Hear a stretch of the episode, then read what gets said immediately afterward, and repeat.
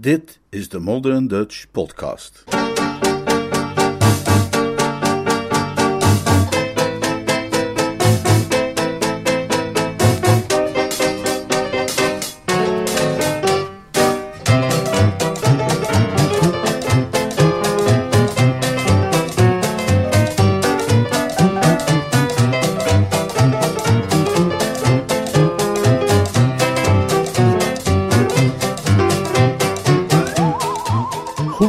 Bezig, Jeeves.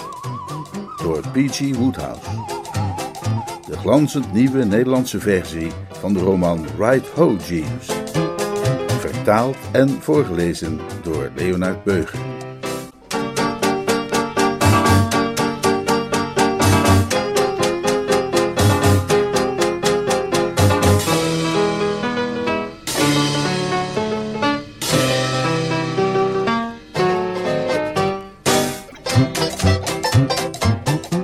Hoofdstuk 16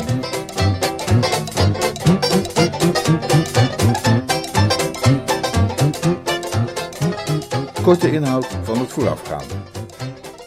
We zijn op Brinkley Court, tante Dahlia's buitenhuis. De verlegen Gussie Fink-Nottel is verliefd op Madeline Bassett en komt Jeeves om raad vragen. Maar het is Bertie die hem adviseert een gebrek aan eetlust te fingeren en zo zijn liefde te tonen voor Madeline. Bertie's nichtje Angela verbreekt haar verloving met Tuppy Glossop en Bertie raadt Tuppy dezelfde list aan, evenals tante Dahlia, die oom Tom niet opnieuw geld durft te vragen ten behoeve van haar tijdschrift Milady's Boudoir. Omdat nu haast niemand iets eet bij het diner, neemt de lichtgeraakte Franse kok Anatole ontslag. Bertie doet een goed woordje voor Gussie bij Madeline Bassett, maar zij denkt dat hij haarzelf ten huwelijk wil vragen. Ze wijst hem gelukkig af en bekent verliefd te zijn op Gussie. Het lukt Gussie echter nog steeds niet Madeline zijn liefde te verklaren. Bertie wil daarom heimelijk Gussie's sinaasappelsap versterken met gin, ten einde hem de moed te geven Madeline ten huwelijk te vragen, en trouwens ook bij het toespraakje dat hij moet houden op het Market Snosbury Lyceum. Jeeves weigert Bertie hierbij te helpen. Tuppy meent dat Angela in Cannes verliefd moet zijn geworden op Bertie. Bertie maakt Tuppy zwart tegenover Angela, opdat zij spontaan voor hem zal opkomen en zich haar liefde realiseren. Hij merkt echter te laat dat Tuppy alles heeft gehoord. Deze probeert nu Bertie in elkaar te slaan, die dat alleen kan voorkomen door te zeggen dat hij helemaal niet op Angela verliefd is, maar juist Madeline Bassett ten huwelijk heeft gevraagd.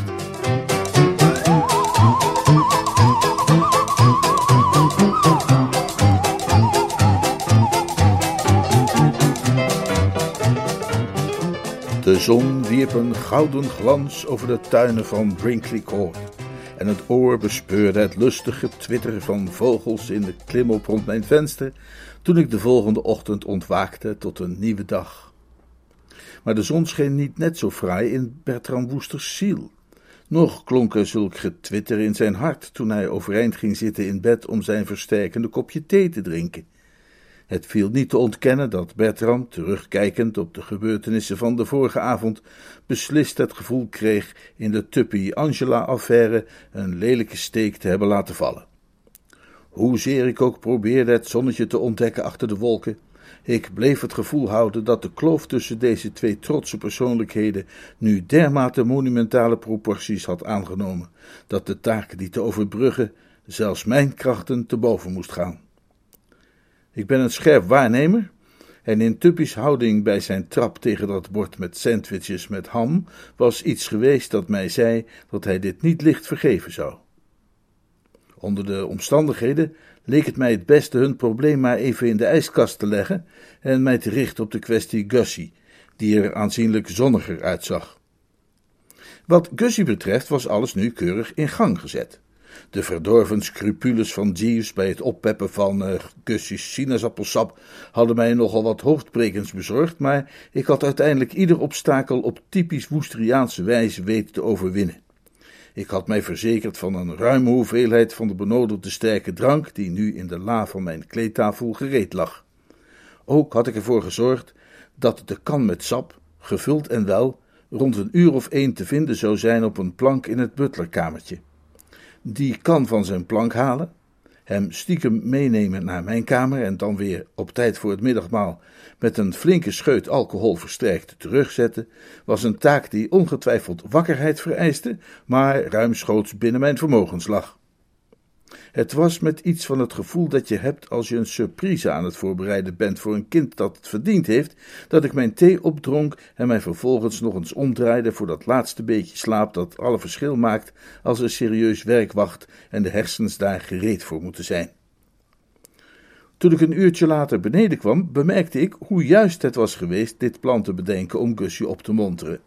Ik kwam hem toevallig tegen op het gazon en ik zag meteen dat als er ooit iemand behoefte had gehad aan een snelle opkikker, hij dat wel was.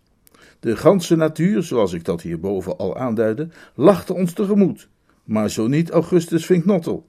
Hij liep de ijsberen op het gras en mompelde ondertussen iets over dat hij het zeker niet te lang wilde maken, maar dat hij zich bij deze heugelijke gelegenheid geroepen voelde een paar woorden te zeggen. Ah, kussie, zei ik, en hield hem staande voordat hij een nieuwe ijsberenronde kon beginnen. Wat een heerlijke ochtend, vind je niet? Als ik het nog niet had gemerkt, dan zou ik gezien de abrupte wijze waarop hij de heerlijke ochtend vervloekte, en nu alsnog mee zijn geconfronteerd dat hij in een weinig feestelijke stemming verkeerde. Ik zette mij aan de taak de kleur terug te brengen op zijn wangen. Ik heb goed nieuws voor jou, Kussie. Hij keek mij plotseling hevig geïnteresseerd aan. Is het lyceum van Margaret Snodsbury afgebrand? Niet voor zover ik weet. Is de bof er uitgebroken? Zijn ze gesloten vanwege de mazelen? Nee, nee. Hoe kun je dan zeggen dat je goed nieuws hebt? Ik probeerde hem te sussen. Je moet er niet zo'n probleem van maken, Gussie. Waarom maak je je zo druk over een belachelijk simpel klusje als de prijsuitreiking op een school? Belachelijk simpel, hè? Besef je wel dat ik er dagen over heb lopen zweten, dat ik nog altijd niks fatsoenlijks heb weten te verzinnen om tegen die lui te zeggen, behalve dan dat ik het zeker niet te lang wil maken. Niet te lang, dat dank je de koekoek. Ik heb een praatje getimed en dat duurt precies vijf seconden. Hoe moet ik daar in hemelsnaam gaan zeggen? Wat zegt een mens als hij prijzen uitdeelt? Ik dacht even na. Zelf had ik ooit op kostschool een prijs gewonnen voor bijbelkennis, dus ik zou er als ervaringsdeskundige natuurlijk van alles over moeten kunnen zeggen. Maar mijn geheugen liet me in de steek. Toen drong er opeens iets door de mist omhoog. Um, je, je zou kunnen zeggen dat het niet altijd de snelsten zijn die de wedloop winnen. Hoezo? Nou ja, dat is een fraaie spreuk. Daar krijg je de handen meestal wel mee op elkaar. Ja, maar ik bedoel, hoezo zijn het niet altijd de snelste die de wedloop winnen? Ah, ja, dat uh, gaat mij ook boven de pet. De houten zeggen altijd van niet. Maar wat bedoelen ze er dan mee? Nou, ik neem aan dat het gezegd wordt om de jongens te troosten die geen prijs hebben gewonnen. Ja, wat heb ik daar nou aan? Over die luiken maak ik me geen zorgen. Degenen die wel prijzen hebben gewonnen, daar zit ik mee. Dat zijn de ettertjes die straks op het podium komen. Stel je voor dat ze gekke gezichten naar me gaan trekken. Dat doen ze niet. Hoe weet je nou dat ze dat niet doen? Het is waarschijnlijk het eerste waar ze aan denken. En zelfs als ze dat niet doen, Bertie, zal ik jou eens wat zeggen. Wat? Ik ben half en half van plan om jouw raad op te volgen en van tevoren een borrel te nemen. Ik glimlachte. Hij moest eens weten, was de uitdrukking die het beste samenvatte wat ik op dat moment dacht. Joh, zei ik, dat komt allemaal goed. Hij werd weer helemaal koortsachtig. Hoe kun je nou weten dat het goed komt? Ik ga gegarandeerd mijn tekst helemaal door elkaar halen. Ha! Of een prijs laten vallen. Kom op, of iets anders, ik voel het aan alles. Zo zeker als ik hier sta, er gaat vanmiddag iets gebeuren waarom iedereen me gierend uit zal lachen. Ik kan ze nu al horen, als hyena's. Bertie. Ja, hallo, weet je nog, die school waar wij op zaten voordat we naar Eton gingen? Natuurlijk, daar heb ik mijn prijs voor bijbelkennis gewonnen. Hoe pot toch op met je prijs voor bijbelkennis? Ik heb het helemaal niet over jouw prijs voor bijbelkennis. Herinner jij je het Boscher-incident? Dat herinnerde ik mij, ja. Het was een van de hoogtepunten uit mijn jeugd. Generaal-majoor Sir Wilfred Boscher kwam op die school de prijzen uitreiken, sprak Cussie met matte, toonloze stem. Hij liet een boek vallen en bukte om het op te rapen. En toen hij gebukt stond, scheurde zijn broek van achteren open. Wat hebben wij gebruld, hè? Cussie vertrok zijn gezicht. Inderdaad, Kleine smerige varkens die we waren, in plaats van ons stil te houden en zo beschaafd te zijn onze sympathie te tonen voor een dapper krijgsman op een bijzonder gênant moment, huilden en krijsten wij van pret, ikzelf het luidst van allemaal. En dat is wat mij deze middag ook zal gebeuren, Bertie. Dat zal mijn gerechte loon zijn voor het uitlachen van generaal-majoor Sir Wilfred Bossier. Wel, nee, Gussie, beste keel, jouw broek gaat helemaal niet scheuren. Hoe kun jij nou weten dat het niet zal gebeuren? Er zijn betere mensen dan ik uit hun broek gescheurd. Generaal Bosje was hoog gedecoreerd en kon bogen op een schitterende staat van dienst aan het front in Noordwest-India en die scheurde ook uit zijn broek. Ik zal het mikpunt zijn van hoon en spot. Ik weet het gewoon. En jij, die heel goed weet wat mij te wachten staat, jij leutert tegen mij over goed nieuws. Het enige nieuws dat ik misschien goed zou kunnen noemen op dit moment zou zijn het bericht dat op het lyceum van Marcus Snodsbury de builenpest is uitgebroken en dat alle leerlingen in bed moeten blijven met rode vlekken in hun gezicht. Het moment was gekomen om het verlossende woord te spreken. Ik legde zachtjes mijn hand op zijn schouder. Hij veegde die eraf. Ik legde hem er opnieuw op. Hij veegde die er weer vanaf. Ik probeerde hem er voor de derde keer op te leggen, maar hij stapte opzij en informeerde op geprikkelde toon of ik misschien dacht dat ik een verdomde chiropractor was. Ik vond zijn houding vrij ergerlijk, maar ik wilde natuurlijk niet al te streng oordelen. Na de lunch, zei ik tegen mezelf, zouden we een heel andere Gussie te zien krijgen. Toen ik zei dat ik goed nieuws had, beste kerel, bedoelde ik goed nieuws over Madeline Bassett. De koortsige gloed verdween uit zijn ogen om plaats te maken voor een uitdrukking van oneindig verdriet. Over haar kun je geen goed nieuws voor mij hebben. Ik heb mij in dat opzicht volstrekt onmogelijk gemaakt. Wel, nee, ik weet zeker dat als je nog een keer een gooi doet, alles goed komt. En zo bondig mogelijk vatte ik samen wat er zich gisteravond tussen La Bassett en mij had afgespeeld. Dus, alles wat jij hoeft te doen, is een inhaalwedstrijd spelen en op je sloffen, want het kan niet misgaan. Jij bent de man van haar dromen. Hij schudde zijn hoofd. Nee. Wat? Heeft geen zin. Hoe bedoel je? Het heeft geen enkele zin om iets te proberen. Maar ik vertel je toch net dat ze in zoveel woorden, dat pakt iets uit. Misschien heeft ze ooit van mij gehouden, maar gisteravond heeft daar definitief een einde aan gemaakt. Wel, nee, natuurlijk niet. Jawel, zij verafschuwt mij nu. Daar is niets van aan. Ze begrijpt heus wel dat jij alleen maar wat last kreeg van koudwatervrees, dat je een beetje in paniek raakte. Als ik het opnieuw probeerde, zou ik weer in paniek raken. Dacht ik het weer kan mis. Het heeft geen zin, Bertie. Ik ben een hopeloos geval, het is niet anders. Het lot heeft bepaald dat ik zo iemand ben die nog geen deuk in een pakje boter kan slaan maar er komt hier helemaal geen boter aan te pas. Daar gaat het helemaal niet om. Het is eenvoudig een kwestie van. Dat weet ik, dat weet ik, maar het heeft geen zin. Ik kan het gewoon niet. Voor mij is de hele zaak afgedaan. Ik ga niet het risico lopen op een herhaling van dat fiasco van gisteravond. Jij spreekt luchthartig over het nog een gooi doen en dergelijke, maar je hebt geen idee wat het betekent. Jij hebt niet ervaren hoe het is wanneer je begonnen bent een meisje te vragen jou te trouwen, terwijl je vervolgens jezelf opeens hoort babbelen over de pruimvormige uitwendige kieuwen van de pasgeboren watersalamander. Dat is niet iets dat een mens tweemaal kan opbrengen, nee. Ik heb mijn lot te aanvaarden, het is voorbij. En wees dan nu zo vriendelijk, Bertie, om op te roepelen, want ik moet mijn toespraak nog voorbereiden. En ik kan geen toespraak voorbereiden als jij hier loopt rond te scharrelen. En als je toch loopt rond te scharrelen, heb je dan niet een paar goede moppen voor me. Die kleine ettertjes willen vast en zeker ook een paar moppen horen. Oh, eh, ken je die over die... Laat ook maar. Aan die schuddige praatjes van jou uit de rooksalon van de zoons heb ik toch niks. Ik heb iets keurigs nodig. Iets waar ze iets aan hebben in een verdere leven. Niet dat een verdere leven mij ook maar een fluit kan schelen, behalve dan dat ik hoop dat ze allemaal de pip krijgen. Nou, ik heb anders pas nog een aardige mop gehoord hoor. Ik weet niet precies meer hoe die ging, maar het was iets over een stel qua jongens dat altijd liep te dollen, zodat de buren er last van hadden. En hij eindigde met: hoe erger zij dolden, hoe doller zij zich ergerden.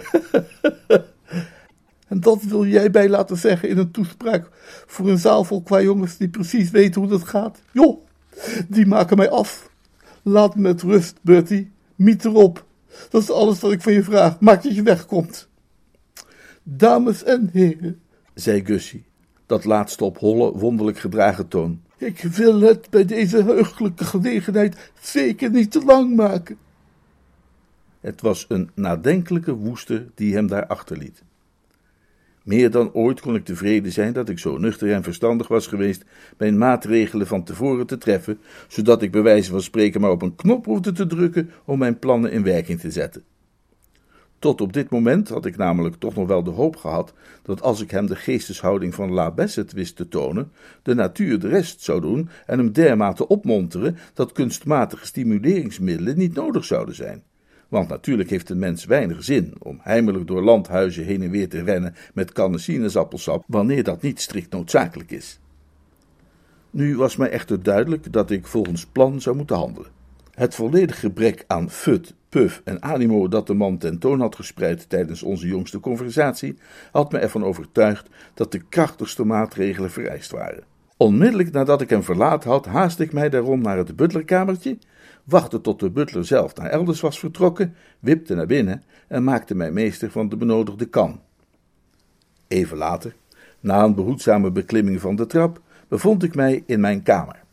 En het eerste wat ik daar zag was Jeeves, die iets huishoudelijks aan het doen was met mijn pantalons. Hij wierp een blik op de kan, welke blik ik, naar later bleek ten onrechte, interpreteerde als kritisch. Ik zette mij schrap.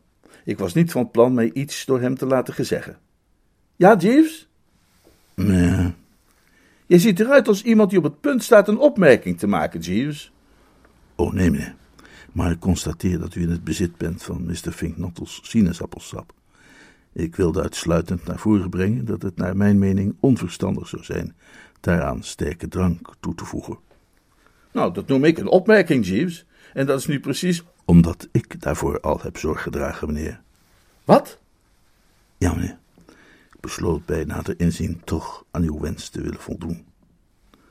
Ik staarde de man stom verwonderd aan. Ook voelde ik mij diep geraakt. Nou ja, ik bedoel, zou niet iedereen die was gaan denken dat de geest van feodale dienstvaardigheid uit onze samenleving verdwenen was, en plotseling bemerkte dat zulks toch niet helemaal het geval was, zich diep geroerd voelen? Jeeves, zei ik, ik voel mij geroerd. Dank u, meneer. Geroerd en dankbaar. Dank u zeer, meneer. Maar van waar deze ommezwaai? Ik ontmoette vanmorgen, toen u nog in bed lag, bij toeval Mr. Finknottel in de tuin, meneer, en heb even met hem gesproken. En dat gaf jou het gevoel dat hij een stevige opkikker wel kon gebruiken? Zeker, meneer. Zijn houding trof mij als fatalistisch. Ik knikte. Ik had datzelfde gevoel. Fatalistisch is het juiste woord. Heb je hem ook gezegd dat zijn houding jou trof als fatalistisch? Ja, meneer. Maar dat hielp niet. Nee, meneer. Goed dan, Jeeves. Aan de slag dus. Hoeveel gin heb jij aan die kan toegevoegd? Een stevig glas vol, meneer. Lijkt jou dat de normale dosis voor een volwassen fatalist? Ik acht het een werkzame hoeveelheid, meneer. Nou, dat vraag ik mij af. Met valse zuinigheid bereiken we natuurlijk niets. Ik denk dat ik daar nog maar een halve deciliter of zo bij doe. Zou het niet willen aanbevelen, meneer. In het geval van Lord Brancaster's papegaai. Je vervalt weer in je oude fout, Jeeves, door te denken dat Gussie een papegaai is. Bestrijd die neiging. Ik doe die 50 cc erbij. Uitstekend, meneer. En tussen haakjes, Jeeves, Mr. Finknottel is in de markt voor keurige anekdotes voor in zijn toespraak. Ken jij er daar nog een paar van?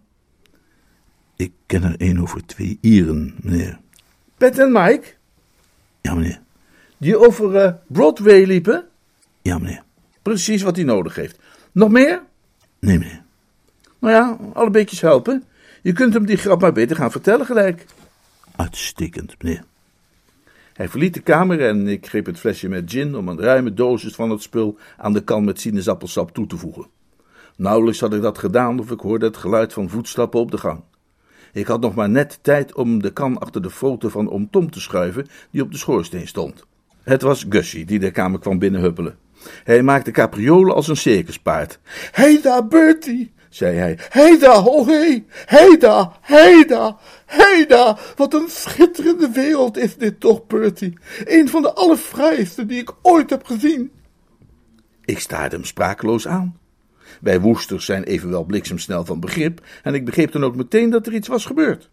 Ik bedoel maar, ik heb u verteld over het ijsberen. Ik heb u ook verslag gedaan van ons gesprek daar op het gazon. En als ik een en ander heb geschetst met ook maar iets van literaire vaardigheid, dan zal het portret dat ik u heb voorgehouden van Augustus Vinknottel het portret zijn van een zenuwwrak, doorgezakt bij de knieën, groen aan de kaken en koortsachtig plukkend aan de revers van zijn jasje, vervoerd van dolle angst. In één woord, een fatalist. Gussie vertoonde als puntje bij paaltje komt tijdens dat gesprek alle symptomen van iemand die mentaal volkomen aan lager wal was geraakt. De allerlaagste wal. Hoezeer verschilde daarvan de Gussie die thans voor mij stond. Het zelfvertrouwen leek hem uit alle poriën te druipen. Zijn wangen bloosden, zijn blik was zonnig en opgewekt. Zijn lippen krulden zich in de glimlach van een onverschrokken ijzervreter. En toen hij mij, voordat ik opzij kon springen, een joviale dreun op mijn schouders gaf, was het alsof ik een trap van een muilezel kreeg. Nou, Bertie, ging hij verder, zo vrolijk als een Twentse kneu zonder de geringste zorg aan zijn kop.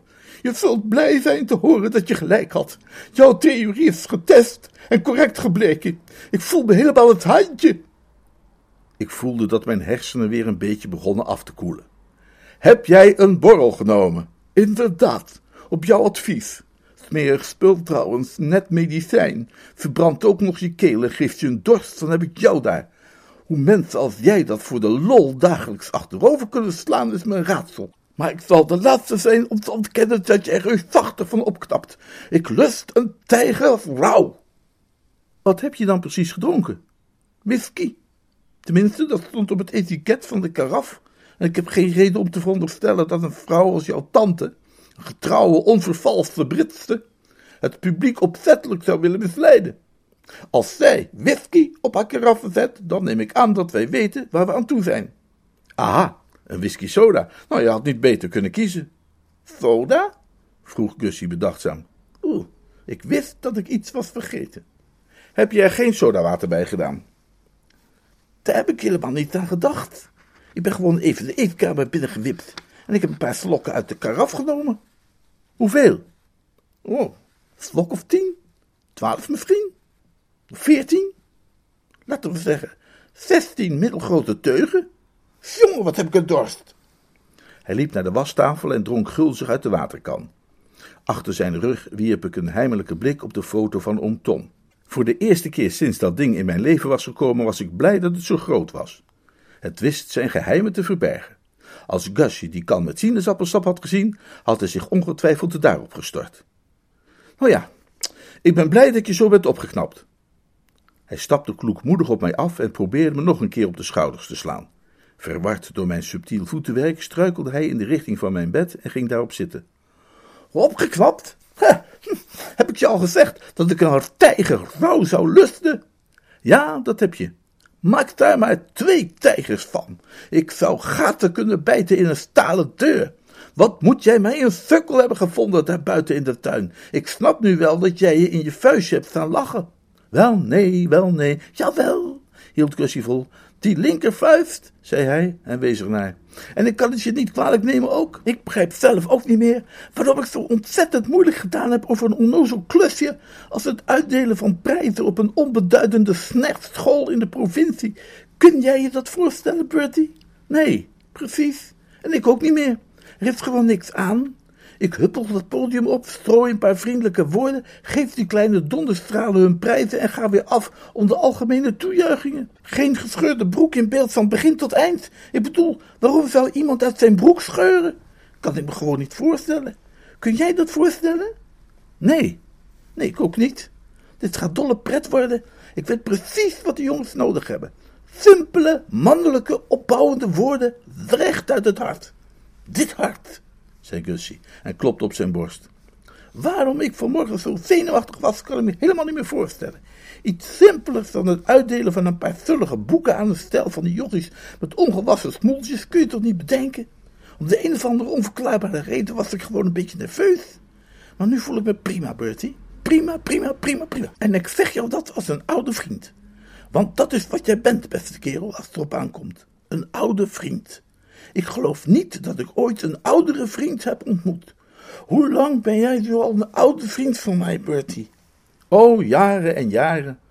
Moet je je voorstellen? Hoewel er natuurlijk ooit een tijd geweest moet zijn dat je een nieuwe vriend was. Hela, de gong voor de lunch. Kom mee, oude vriend. Hij sprong op als een vlo in een vlooienspel en rende de deur uit. Ik ging er nogal pijnzend achteraan. Wat er was gebeurd was natuurlijk een cadeautje, zou je kunnen zeggen. Ik bedoel, een opgepepte Fink Nottel was mijn streven geweest, ja. Al mijn plannen hadden alleen maar een opgepepte versie van deze Fink Nottel ten doel. Maar nu begon ik me af te vragen of een Fink Nottel zoals die op dit moment langs de leuning omlaag gleed, niet een iets te opgepepte Fink Nottel was. Zijn gedrag leek mij helemaal het gedrag van een man die tijdens de lunch elk moment met brood zou kunnen gaan gooien. Gelukkig echter werd aan tafel zijn uitbundigheid gedempt door de bedrukte stemming van de mensen om hem heen. Hij had nog een stuk beschonkener moeten zijn om jolig te kunnen blijven in dergelijk gezelschap. Ik had La het verteld dat er op Brinkley Court harten waren die te lijden hadden, maar het zag er naar dat ditmaal vooral de magen te lijden zouden krijgen. Anatole, kreeg ik te horen, lag in bed met een hysterische aanval, en het maal dat nu werd opgediend was bereid door de keukenmeid, de meest bedroevende keukenbrigadier die ooit de pollepel had gezwaaid in welke keuken dan ook. Nog eens opgeteld bij hun andere problemen, veroorzaakte dit binnen het gezelschap een nagenoeg unanieme zwijgzaamheid. Een plechtige, welhaast funeraire stilte mocht je het wel noemen, die zelfs Gussie kennelijk niet durfde te doorbreken. Er ontsnapte hem even een vlacht van een lied, maar verder volgden er geen onbetamelijkheden en stonden we uiteindelijk van tafel op, waarbij tante Dalia ons instrueerde ons feestelijk uitgedost en niet later dan half vier in Market Stotsbury te melden. Dat gaf mij ruimschoots de tijd één of twee sigaretjes te smoren in een schaduwrijk prieeltje bij het meer, wat ik dan ook deed, om tegen een uur of drie terug te keren naar mijn kamer. Daar was Jeeves al bezig met het borstelen van mijn hoge zijden hoed. Ik stond op het punt hem op de hoogte te brengen van de jongste ontwikkelingen in de kwestie Gussie, maar hij was me voor met de opmerking dat deze zojuist een geslaagd bezoek had afgelegd aan het Woesterse slaapvertrek. Ik trof Mr. Fink Nottel in uw kamer aan toen ik zojuist uw kleding wilde gaan klaarleggen, meneer. Oh ja, zeg, was Cussie hier? Inderdaad, meneer. Hij is nog maar juist vertrokken. Hij rijdt met Mr. en Mrs. Travers in de grote wagen mee naar Market Snodsbury School. Heb je hem die grap over die twee Ieren verteld? Ja, meneer. Hij moest er hartelijk om lachen. Mooi. Kon je hem verder nog helpen met zijn toespraak? Ik ben zo vrij geweest erop te wijzen dat hij wellicht de jonge luide gedachten mee zou kunnen geven. Uh, dat opvoeding niet zozeer het vullen is van een emmer, maar het ontsteken van een vuur. Wijlen Lord Brancaster was een groot liefhebber van het uitreiken van prijzen op scholen en maakte onveranderlijk van dat dictum gebruik. En hoe reageerde hij daarop? Ook daarom moest hij hartelijk lachen, meneer. Dat verbaast je zeker wel. Die onafgebroken pret bedoel ik. Ja, meneer. Jij vond dat natuurlijk vreemd bij iemand die toen je hem de laatste keer zag duidelijk voorop ging in de kopgroep van fatalisten. Ja, meneer. Daar is een goede verklaring voor, Jeeves. Sinds jij hem die laatste keer zag, heeft Gussie heel stevig ingenomen. Hij is zo dronken als een kanon. Werkelijk, meneer? Absoluut. Zijn zenuwen begonnen het te begeven en toen is hij de eetkamer binnengeslopen en heeft hij staan hijsen als een havenkraan. Het lijkt erop dat het whisky was die hij heeft staan tappen. Ik vermoed dat hij de karaf zo goed als leeg heeft gedronken. Zakkerlood, Jeeves. Het is maar goed dat hij niet ook nog dat versterkte sinaasappelsap gedronken heeft. Wat jij? Groot geluk, meneer. Ik wierp een blik op de kan. De foto van oom Tom was omlaag gevallen in de haard en de kan stond daar nu open en bloot, waar Gusje hem onmiddellijk gezien zou hebben. Gelukkig was de kan nu leeg. Het was bijzonder verstandig van u, als ik het zeggen mag, meneer, om u van dat sinaasappelsap te ontdoen. Ik staarde hem aan. Wat? Heb jij dat dan niet gedaan? Nee, meneer. Jeeves, dit wil ik wel even goed duidelijk hebben nu. Jij bent er dus niet geweest die het sinaasappelsap heeft weggedaan? Nee, meneer. Toen ik de kamer binnenkwam en de kan leeg aantrof, heb ik aangenomen dat u daarvoor gezorgd had. Wij keken elkaar verplet aan. Twee zielen met één gedachte. Ik vrees ten zeerste, meneer. Oh, ik ook, Jeeves. Het staat vrijwel vast dat... Muurvast. Evalueer de feiten. Analyseer het bewijs. Die kan stond open en bloot op de schoorsteen. Gussie had al eerder geklaagd over dorst en jij trof hem hier hartelijk lachend aan.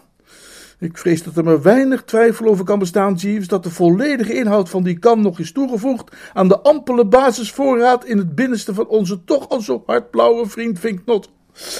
Een verontrustende zaak, Jeeves. Uiterst verontrustend, meneer.